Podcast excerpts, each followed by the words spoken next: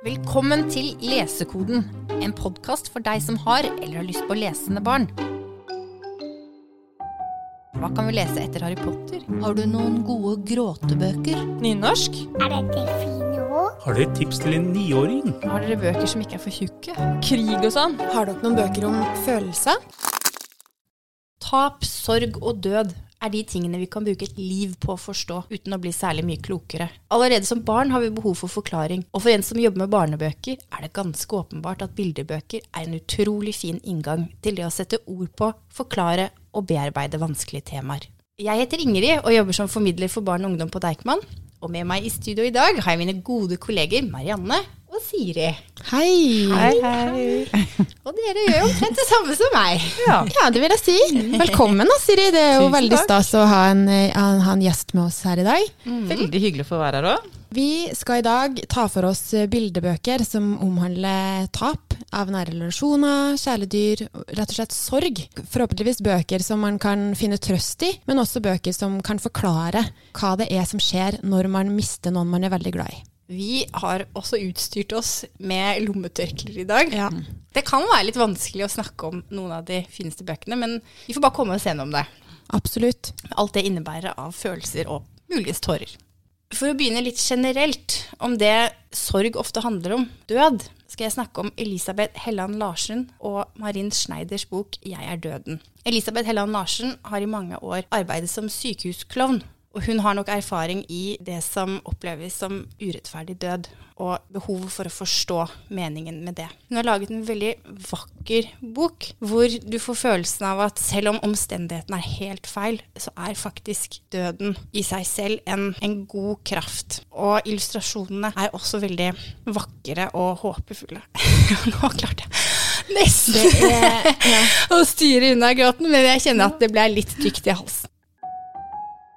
Sean Tan er en av verdens mest anerkjente illustratører. Han klarer å formidle veldig menneskelige ting, men også gjøre det i et veldig drømmeaktig, nesten litt absurd språk. Hans bok 'Det røde treet' handler om å være lei seg. Og det kan jo være pga. egentlig mye forskjellig, men det å være tapt i, i en sorg og ikke vite hvordan man skal komme seg ut av den. Når man tar en titt på, på bildene, så, så ser man at det likevel er lys i enden av tunnelen, hvis man er åpen for at det kan skje.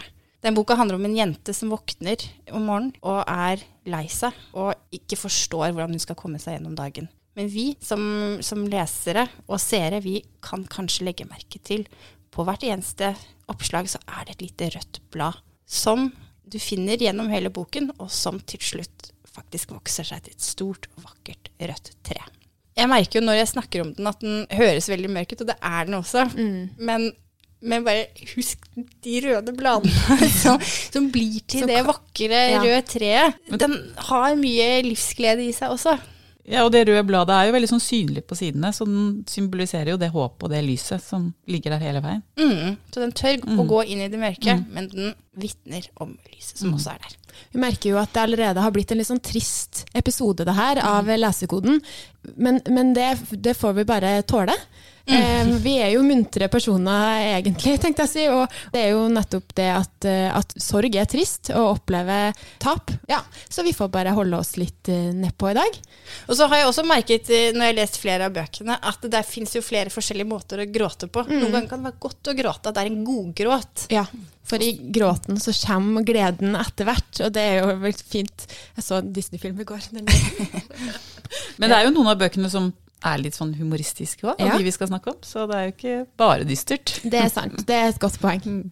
Gro Dale og Svein Nyhus har laget en bok som heter 'Grevlingdager', som handler om eh, barn, eller et barn som ikke orker å gå på skolen, som har noe inni seg som gjør at det er vanskelig å gå på skolen. Og det kan skyldes flere ting, men jeg tenker at det er en fin bok å trekke fram til barn som, som kanskje bærer en sorg. For det, jeg tror det kan være vanskelig å være sosial og skulle følge rutiner hvis den er lei seg. Jeg tenker Den boka er så veldig fin, fordi jeg, hvis det er noen som på en måte ikke klarer å legge ord på hva det er, da, hva er det som er vanskelig, hvorfor er du lei deg, så kan det være at den boka faktisk kan være en inngang for en kjempefin samtale rundt at barnet kan finne svar på det, faktisk. Ja, Eh, og kanskje ikke vi får gjort noe med det at du er lei deg akkurat nå, men Nei. vi kan legge til rette for at du skal Ja. komme deg gjennom dagene. Den tenker jeg at alle lærere, alle som jobber med barn, bør lese. Den er kjempefin. Ja. Men den er også veldig sånn dyster Ja. i uttrykket. Så det, ikke rygg Eller don't judge the book by its cover, for den er mørk, men den er også bærer håp. Eh, Grevlingdager er en kjempe, kjempefin bok som jeg bare tenker at alle voksne som jobber med barn, spesielt i skolen, kan få mye nytte av. Og det tenker jeg også med alle bøkene vi snakker om i dag. Det at en voksenperson kan låne dem og så bla igjennom før man tar dem opp eh, foran et barn, det kan også være veldig nyttig òg. Og for helt ærlig, så, og det syns jeg egentlig om alle Ja. bøkene vi snakker om, at her er det også mye terapeutisk for oss voksne. Ja, det er absolutt. I dag så har jeg med meg en eh, klassiker. Det er mange delte meninger om boka jeg skal snakke om nå, og det er Marit Kallhold sin bok 'Farvel Rune', som kom i 1986. Og det er Wenche Øyen som har illustrert, eller hun har brukt akvarellmaling til å illustrere det vonde som vi skal få høre om nå. Og det er Ehm, ja, det, som jeg sa, det delte meninger. Det er faktisk en plussak i Dagbladet fra 2015 hvor det er en som har skrevet at den boka har gitt den varige men, og syns det er vanskelig å, å, å ta den fram, og nesten anbefaler at ingen bør lese den. Men så er det mange som sier at de har brukt den både for i barnehagerelasjoner, eh, når det har vært et sykt barn i barnehagen, det å, å ta opp døden. Boka her den er så ærlig og tar barns følelser på skikkelig alvor. Det er ikke noe som legges under en stol. Vi møter Rune og Sara. De er bestevenner, og de leker familie, for de skal gifte seg når de blir store. De går ut en kald vinterdag og leker, og mor sier at de skal være forsiktige ved dammen, så allerede nå så skjønner vi som voksne lesere at nå er en fare på ferde. Rune skal ut med båten, og Sara og Rune de klemmer ha det bra og sier farvel før han drar ut. Og nå blir votten til Sara våt, så hun springer inn og skal skifte. Og når du kommer tilbake, så ligger Rune i vannet, med hodet ned, akkurat som at han ser etter noe på bunnen. Men han er livløs. Så Sara springer opp og leter etter hjelp. Så finner de ut, da, stakkars, at um, Å, jeg får klumpen i halsen. Rune er død. Han drukna i dammen, og han kommer aldri til å komme tilbake. Det finner Sara helt uforståelig, eh, men mor har trøstende ord at Sara kan jo kjenne etter at hun kjenner Rune inni seg. Vi blir med i begravelsen til Rune, vi ser alt fra Saras perspektiv, og det er så fint, alle voksenpersonene, kirka, at hun ikke kan være med og synge salmene, men at orgelet spiller så fint. Altså, den er så vanvittig vakker. Det handler jo om Saras sjokk og smerte og savn, hvordan hun skal forstå at Rune aldri vil komme tilbake. Og så handler det om vennskapet, da. Et vennskap som aldri vil forsvinne, selv om den andre parten er borte. Som jeg sa, så er boka veldig ærlig, og illustrasjonene, de akvarellmalingene til illustratøren gjør ting så veldig ærlig, og det er nesten som at Jeg leste et sted, det er noen som har foreslått at det er nesten som at man ser bildene med tårer i øynene, for de er litt sånn dusete og varme og fine, og så ser man òg svarte illustrasjoner som er minnene til Sara, og de kan være veldig vonde, spesielt når vi ser Rune, som kanskje ligger i kista si, at det er noen bilder der som er veldig ærlige. Men jeg syns at det her er en vakker bok, og kjempefin, og eh, gir meg skikkelig sånn en delt mening med både at jeg blir skjelven når jeg snakker om den, og får klumpen, men at den er superfin. Jeg syns den er litt vanskelig fordi akkurat nå er jeg småbarnsforelder, og den treffer min dypeste frykt Ja. veldig. Frykten for at noe skal skje i det øyeblikket jeg skal bare. Men når det er sagt, så syns jeg den er jo veldig fin fordi den er en sånn fin innføring i måte, hva, hva liksom, begravelse, hva skjer, og det som du også sa med at husk å minne barna på at minnene lever videre, Ja. da, og den forståelsen. Og Sara får trøsta lillesøstera til Rune òg i akkurat det. Og man blir tatt med at hun òg syns det er fint at hun kan dele det som hun har lært av mammaen sin, at nå kan vi kjenne Rune inni oss. Og de besøker jo grava, og de Nei, det, det er liksom akkurat det jeg sjøl har opplevd da, i begravelse når jeg har vært til mine besteforeldre, eller Men som sagt, jeg vet ikke om jeg sa det før vi starta, jeg vet ikke om det her Nå snakker jeg fra et bibliotekars perspektiv. Det er lettere for meg å snakke om boka her nå og anbefale den, eh, enn om jeg skulle ha lest den sjøl til, eh, til et barn. Det, det hadde sikkert blitt tøft. Men det er, vel kanskje en bok man må tenke seg litt om før man formidler, nettopp fordi den går så tett på da, og er så ærlig og realistisk. Så kan det bli sånn som da han som mente at den hadde ødelagt Ja. så mye for han. At det er ikke, man skal kanskje ikke lese den for store grupper, eller være helt sånn ukritisk til hvem man leser Nei, den for. nettopp. Og for den nerdete så er det jo også en interessant utgivelse, for den var ganske banebrytende i sin tid. Og den er også en av de faktisk største norske bildeboksuksesser i utlandet. Den har blitt solgt Ja. i ganske mange land, og er en, en slags klassiker. Jeg skal snakke om Skorpen, skrevet av Charlotte Mondlik og illustrert av Olivier Carec. Den eh, behandler et, et vanskelig tema på en veldig realistisk måte, og den ønsker jo å gjøre dette på et barns premisser. Jeg driver og viser frem til Ja, vi ser den. Dere ser dessverre ikke forsiden, men det er en veldig fin rød forside med en det er litt ubestemmelig alder på gutten, men uh, han er nok ganske liten. Stort hode og litt sånn spinkel liten kropp med et sår på kneet, og derfor også da tittelen 'Skorpen'. Og, og boken starter veldig rett på. Han får beskjed en morgen om at mor er død, sånn at vi får liksom opplever det sjokket det er da, å få den beskjeden. Hun er jo sannsynligvis død etter lang tids sykdom, men et dødsbudskap er jo et sjokk uansett om du egentlig vet at det kommer til å komme. Eh, Og så er det jo da hvordan han håndterer denne sorgen. Og noe av det verste som kan skje for denne gutten, er jo at eh, morens minne forsvinner. Han vil liksom bevare lukten av henne, han vil bevare stemmen i hodet. eh, Så han lukker alle vinduer og holder seg for munn og ører og nese for å bevare moren inni seg. Og det er veldig sånn fint illustrert, da. Hvordan han i frykt for at hun skal forsvinne ut av ham, prøver å holde henne igjen. Og denne skorpen på kneet er jo også at i den, i den smerten der så minner han morens omsorg, så derfor så driver han hele tiden og piller på det såret for å bevare minnet av moren eh, i, den, i det såret. Og det syns jeg også er et veldig sånn fint bilde på hvor, hvor smertefullt det er å miste noe man er veldig glad i. Og så er det også noe som jeg tror at mange barn opplever i en sånn situasjon, at de må ta litt omsorg for foreldre eller andre rundt i sorg. Da at de føler ansvaret for deres sorg òg.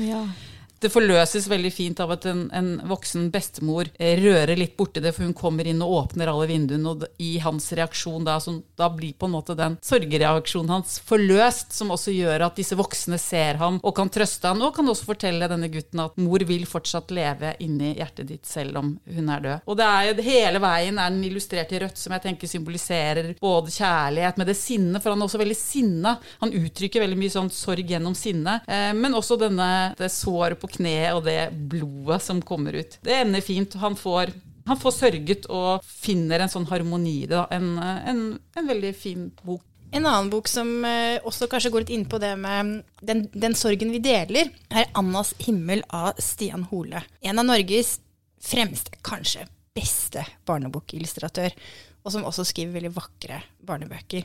I 'Annas himmel' ble vi kjent med Anna som det litt subtilt kommer frem at har mistet moren sin. Og man skjønner at hun og faren selvfølgelig er i sorg. Og i denne boka så er det Anna som måtte ta faren med på en slags reise, et dykk i, eh, i sorgbearbeidelsen, som er fin. Og Stian Holes bilder, det er liksom vanskelig å snakke om dem uten å ha noe å vise til, fordi de er så unike.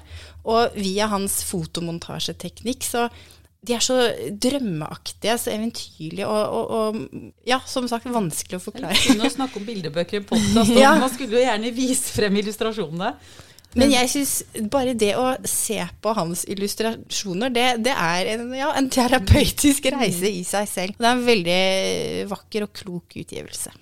Bonsai, en liten bok om døden. Den er skrevet av Simon Stranger. Han har jo skrevet mange barne- og ungdomsbøker. Han, eh, kanskje noen kjenner til Kokotopia, det er jo en humoristisk bok. Og så er det en illustrert av Hilde Hodnefjell, som også er en ganske etablert illustratør. Hun har skrevet en del bildebøker med litt sånn alvorlig tema. En Bragepris-nominert 'Lykke og ulykke', eller 'Ulykken og lykken'. Og nå 'Opsa', som også er en veldig fin bok. Men i denne her, det er også en eh, veldig realistisk bok men også en filosofisk bok, for du beveger deg helt sånn på de konkrete tingene som i sorg og, og tap av noen, men også de liksom store filosofiske, universelle spørsmålene om at alle dør, hva skjer hvis vi ikke dør, og du beveger deg, som gjør at det er en fin eh, bok som er fin med utgangspunkt for samtale, både for voksne og barn. For man, alle går jo og tenker på døden. Hva innebærer egentlig det? Men det handler jo om denne jenta her, som også er navnløs, for det var jo Skorpens hovedkarakter òg. Bestemor ligger på gulvet. Hun er ikke død. Eh, men hun havner på sykehjem, og jenta legger merke til et bonsai-tre som står der, som hun ga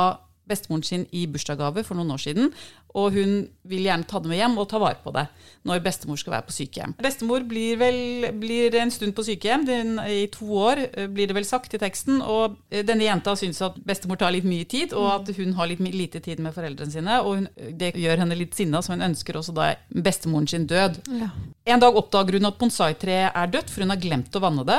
Og hun mister det også i gulvet, så potta knuser. Og ganske samtidig så kommer far hjem og gir henne beskjed om at bestemor er død. Så knytter hun de to episodene sammen, og hun får enorm skyldfølelse. ja. For bonsai-treet representerte både liv og bestemoren. Så hun tror da at det er hennes skyld at bestemor er død. Og det tar det litt tid før hun skjønner at det ikke er reelt, da.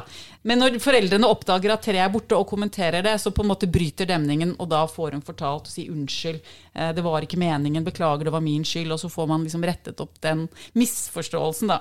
Den går jo da veldig sånn gjennom alle faser. Sorg, eh, sykdom, død og begravelse, så du får alle faser i sorgen. Og samtidig er den litt sånn humoristisk, for den eh, forteller oss voksne hvor konkrete barn er i en del situasjoner. Sånn når far snakker om kremering, så ser hun for seg en kiste dekket med krem. Når eh, de snakker om at mor er på kjølelager, nei, bestemor er på kjølelager, så ser hun for seg bestemoren som ligger mellom melk og yoghurt Ja, i kjøleskapet på, i butikken. Ja. Og det er også veldig fint illustrert. Da. Eh, jeg syns de grepene der er veldig sånn fine, for barn er jo veldig konkrete i tankene sine. Men en veldig fin og filosoferende bok som man kan lese sammen med barna. En annen eh, bok som er litt mer på det humoristiske, eller som kan gjøre det litt lettere å snakke om, om døden, eh, det er Kim eh, Fus... Fups? Ja. Kim Fups Åkessons bok 'Og så ble farfar et spøkelse'. Her er det Eva Eriksson som har illustrert, og Eva Eriksson er jo illustratøren til jeg, altså Julia-bøkene, altså pekebøkene, så jeg umiddelbart får jeg et godt og nært forhold til boka. Det er en veldig koselig strek. Veldig koselig strek, veldig livlige fjes. veldig sånn bly, Det er blyanttegninger som gjør det bare så Det er så søtt, hvis man kan bruke det ordet. Her møter vi Espen, som hadde en farfar. For en dag så har han ikke en farfar lenger, for nå er han død. Espens mor sier at farfar har blitt til en engel, og Espens far har sagt at eh, farfar blir til jord. Men ingen av delene stemmer, for en natt så dukker faktisk farfar opp på Espens rom. Altså, han har blitt et spøkelse. Espen blir jo kjempeglad for å se farfar igjen, og de syns det er veldig morsomt at farfar kan gå gjennom vegger og kan jo, ule, og det er ikke måte på, men så skjønner de det ikke helt allikevel, så farfar finner fram en bok og leser at han har blitt et spøkelse, for det er noen ting i livet han ikke har vært ferdig med. Så da blir vi tatt med på en reise i minnene til farfar. Dette skjer om natta, Espen eh, er våken, og de minnes alle fine ting som farfar har opplevd, så, men så finner de ikke ut av det. Men en dag så innser de at «Åh, det var jo rett foran nesa vår hele tida. Det handla jo om meg og deg, Espen. Ja, og, og setningen, setningen som får meg til å grine, er farfar. Det er nettopp det her. For de går gjennom minnene de har hatt sammen. Så sier Espen, hva var det av alt det her du savna, da? Alt sammen, pluss alt det du ikke har sagt. Jeg savna at jeg ikke fikk sagt adjø til deg, du min lille Espen. Og da begynner de å gråte litt, begge to. Og den er bare så vakker. De tar farvel, og farfar forsvinner inn i mørket. Nydelig illustrasjoner, som jeg sa, og kjempefin historie som gjør det der at minnene er med oss. Og det skjønner Espen, så han legger seg på en måte med en fryd om natta når han er ferdig med å ta farvel med farfar. Det er jo et ganske viktig tema egentlig eh, i dette. Det er jo det å få sagt farvel og Ja. gi ting en closure, som Ja. man sier på godt engelsk. For det syns jeg egentlig en del av de bøkene vi snakker om, handler om. Og det er også kanskje noe med at man må involvere barn i den sorgen. Da. Få lov til å at de Jeg tror kanskje mange tenker at, ikke, at det blir for mye, at man bare holder dem litt utenfor. Men at det er viktig at barn får lov til å være med på sine premisser. Benji Davis, som en del kanskje kjenner for boka 'Stormhvalen', han har laget en bok som heter 'Bestefarøya', hvor det handler om en gutt som går til bestefars hus, som tilsynelatende er tomt. Bestefar er der, han er på loftet og roter litt rundt i tingene sine. Og så drar de sammen ut på en stor reise. Og begynner jeg å gråte. Når, når reisen nærmer seg slutt, så, så sier bestefar at han vil være igjen på den øya de har reist til. Og så skjønner vi jo da, Det er ikke sikkert barna så tydelig forstår det, da, men man skjønner at bestefaren ikke at bestefaren er død. da. Jeg opplever den som en måte å få tatt farvel på, og på sin måte. Ja, den er fin og fantasifull. At man kan vite at bestefar har det fint på bestefarøya. En annen eh, bok om bestefar, da. Det, det er jo mye av det barn opplever, å miste en, en bestemor, en bestefar, en farmor, en farfar. Det er Fiat og farmor og Den hvite løven. Og her får vi et litt annerledes synspunkt på det. Eh, Fiat og farmor og farfar skal en dag ut og se på løvene. Men bestefar han ligger og sover i stolen sin, og våkner ikke opp, for farfar har sovna inn. Farfar er død, og farmor gråter og svarer ja, nå er han død. Farfar han sa alltid at eh, dere må huske å gråte når jeg dør, men dere må også huske å ri på løvene. Så det er den der leken som de hedrer på en måte farfars minne i at ja, vi skal fortsette å ri på løvene. De skal male kista med fine farger, og de skal de sørger på en sånn fin måte. Fiat legger også et brev i kista sammen med farfar hvor det står alt det fine hun og farmor skal gjøre. Vi lover at vi skal huske deg, vi lover at vi skal gråte over deg. Vi skal også huske leken. Og det er også et sånn kjempefint Det alvorlige i at farfar er død, men òg at vi bevarer minnet hans i leken, da. Veldig fine illustrasjoner som, som eh, er fargerike og, og, glad, som kan være en sånn sånn mer munter måte å, å ta opp temaet på. da. Ja, for det sa jeg ikke om bonsai, men helt avslutningsvis i den, og så leker de begravelse og død. Ja. Så de, hun hovedpersonen er da den døde. og det syns jeg er litt sånn det samme, at det er lov å leke og så tulle litt rundt det Ja. som nettopp har skjedd, for å ufarliggjøre det litt òg, da. Eller for å Lurer på om det var Det er et sånn minne jeg har fra Jeg tror det er min mor som sa det en gang, at, eh, at det var Om det var meg eller om det var et av mine søsken som begynte å spurte om det var lov til å le i en begravelse. Og det er det jo. Mm. Ja. Man skal jo få lov til å le, man skal jo få lov til å minnes den avdøde. Og det syns jeg at Iben Sandemose, som har Mm. skrevet 'Fiat og farmor' og 'Den hvite løven', tar opp veldig fint. Et eh, viktig område når det gjelder sorg og tap og savn, det er tap av kjæledyr. Ja. Ja. Og det tenker jeg kanskje vi som sitter her også har opplevd. Mm. Og ja. det er jo en sorg som er likestilt med annen sorg. Ja. Det er forferdelig når det skjer. Ja, tre biler og en død katt, som er skrevet og illustrert av Gry Morsund. Hun er det sikkert mange som kjenner fra før, for hun illustrerer da Bukkene Bruse-bøkene. Og det der, er en, det der er en sånn storfavoritt blant mange barnebibliotekarer rundt om i Deichman, vet jeg. Ja. Den har jo et helt annet eh, visuelt uttrykk enn eh, de Bukkene Bruse-bøkene, for det er jo mer eh, Nå er ikke jeg så god på å beskrive illustrasjonene, men den har veldig sånn 70-tallsuttrykk. Ja, det- Og den er mer sånn eh, realistisk i, eh, i tegningene sine enn de der mer sånn, ja, som har blitt sammenlignet med barnetegninger. Men dette er jo så, den tar jo for seg tap av kjæledyr, eh, men samtidig er det jo liksom en krim, kriminalroman. Eh, For hovedpersonen, her også navnløs, har en katt som heter Hampus, som hun er veldig glad i. Kommer plutselig ikke hjem en dag, og så kommer naboen innom og sier at Hampus ligger da død i kjelleren. Så hun og moren går da over for å se og bekrefte at det er Hampus, og det er det. Eieren, eh, denne jenta, da bestemmer seg for at hun skal finne ut hvem denne kattemorderen er, og det er jo da tre bileiere på denne øya, for dette er et veldig lite sted. Eh, og det er da eh, butikkeieren, han er en sur butikkmann, Eh, og så er det en banne Karsten Oppihaugen, som også er litt mistenksom. Og så er det en sånn mystisk eh, taxisjåfør som har en litt sånn skummel hund som alle er redd for. Eh, som hun heter Laila, hun taxisjåføren. Men hun, tar, hun tar da i hvert fall med seg to venner og lillebroren sin på jakt etter eh, denne kattemorderen. Og det er, oppdager jo hvem det er. Jeg vet ikke om jeg skal spoile det, men, eh, men Jeg tror, jeg tror forresten denne boka er selvbiografisk. Ja, det kan jeg tenke meg. Jeg har ikke belegg for å si det, men jeg tror det. Ja, men det er- tror jeg på. Men de finner i hvert fall morderen, da. Og når de da har funnet ut hvem som har drept Hampus, så er man jo også da klar for å gjøre disse ritualene rundt denne avskjeden med begravelse, og tilgir ikke morderen. Men Hampus drar av gårde på en båt ut i havet og ender i kattehimmelen eller kattehavet. Men uh, den er jo Ikke så trist, Nei. mer dramatisk Ja. der, men uh, jeg, jeg kan kjenne meg igjen i det at jeg skal finne morderen. Og så, når det er løst, så kan jeg ta ordentlig ja, Og farvel. så er det noe med å gjøre noe sånn praktisk. Mm, når ja. det, sorgen er der. Ja, handlekraft i sorgen. Og du. Det er jo både katt og det er, det er hund, menneskets beste venn. Det er vondt. Jeg har selv opplevd å miste ja, to katter, og jeg kan bare kjenne meg igjen i, i den sorgen der. Gro Dale har eh, sammen med Svenius skrevet flere bøker, og en de har laga sammen, det er Roy. Her er det en eh, hund, altså hunden Roy, som er en dag død. Og det er vanskelig å forstå for eh, gutten som vi møter i boka. Han er også navnløs.